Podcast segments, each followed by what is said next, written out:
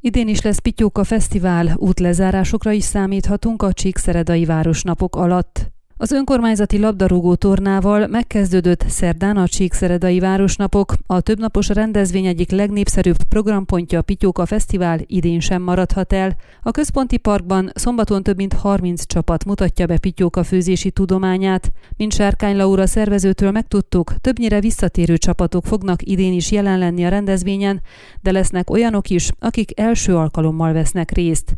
Bár lezárult a jelentkezési határidő, ha mégis lennének csapatok, akik még beneveznének, azokat is elfogadják, tudtuk meg.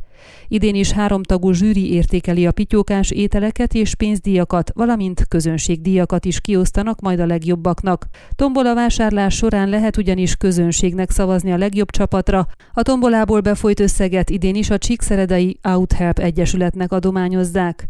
A Csíkszeredai városnapok megfelelő lebonyolítása érdekében elkerülhetetlen a város központ néhány utcájának, útszakaszának lezárása, illetve bizonyos parkolóhelyek felszabadítása, tájékoztat a Csíkszeredai Városháza közleményben. Így augusztus 5-én 8 órától augusztus 7-én éjfélig az autóvezetők a következő szakaszon számíthatnak útlezárásra. A Mihály Szádovján utcában, a Nikolai Bölcseszko és Temesvári Sugárút közötti szakaszon, a Szabadság téren a szakszervezetek művelődési Orvosi Házának sarkától, a Harmopán kenyér üzlettől a Mihály Eminescu utca egy számig, valamint a Testvériség Sugárúton, a Szabadságtér és Körösi Csoma Sándor utca közötti szakaszon. A jelzett időszakban a Szabadságtér 8 és 14 szám közötti szakaszán mindkét irányba lehet közlekedni, illetve megnyílik az autós forgalom számára a Kossuth Lajos utcát a Gál Sándor utcával összekötő szakasz is a Nagy István Művészeti Középiskola mellett. Tisztelettel kérjük a gépjármű tulajdonosokat, hogy augusztus 3 és 7-e között hagyják szabadon a Temesvári sugárútat,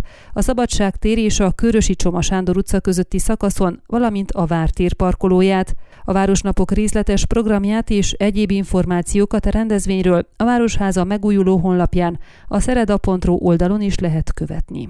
Ön a Székelyhon aktuális podcastjét hallgatta. Amennyiben nem akar lemaradni a régió életéről a jövőben sem, akkor iratkozzon fel a csatornára, vagy keresse podcast műsorainkat a székelyhon.pro portálon.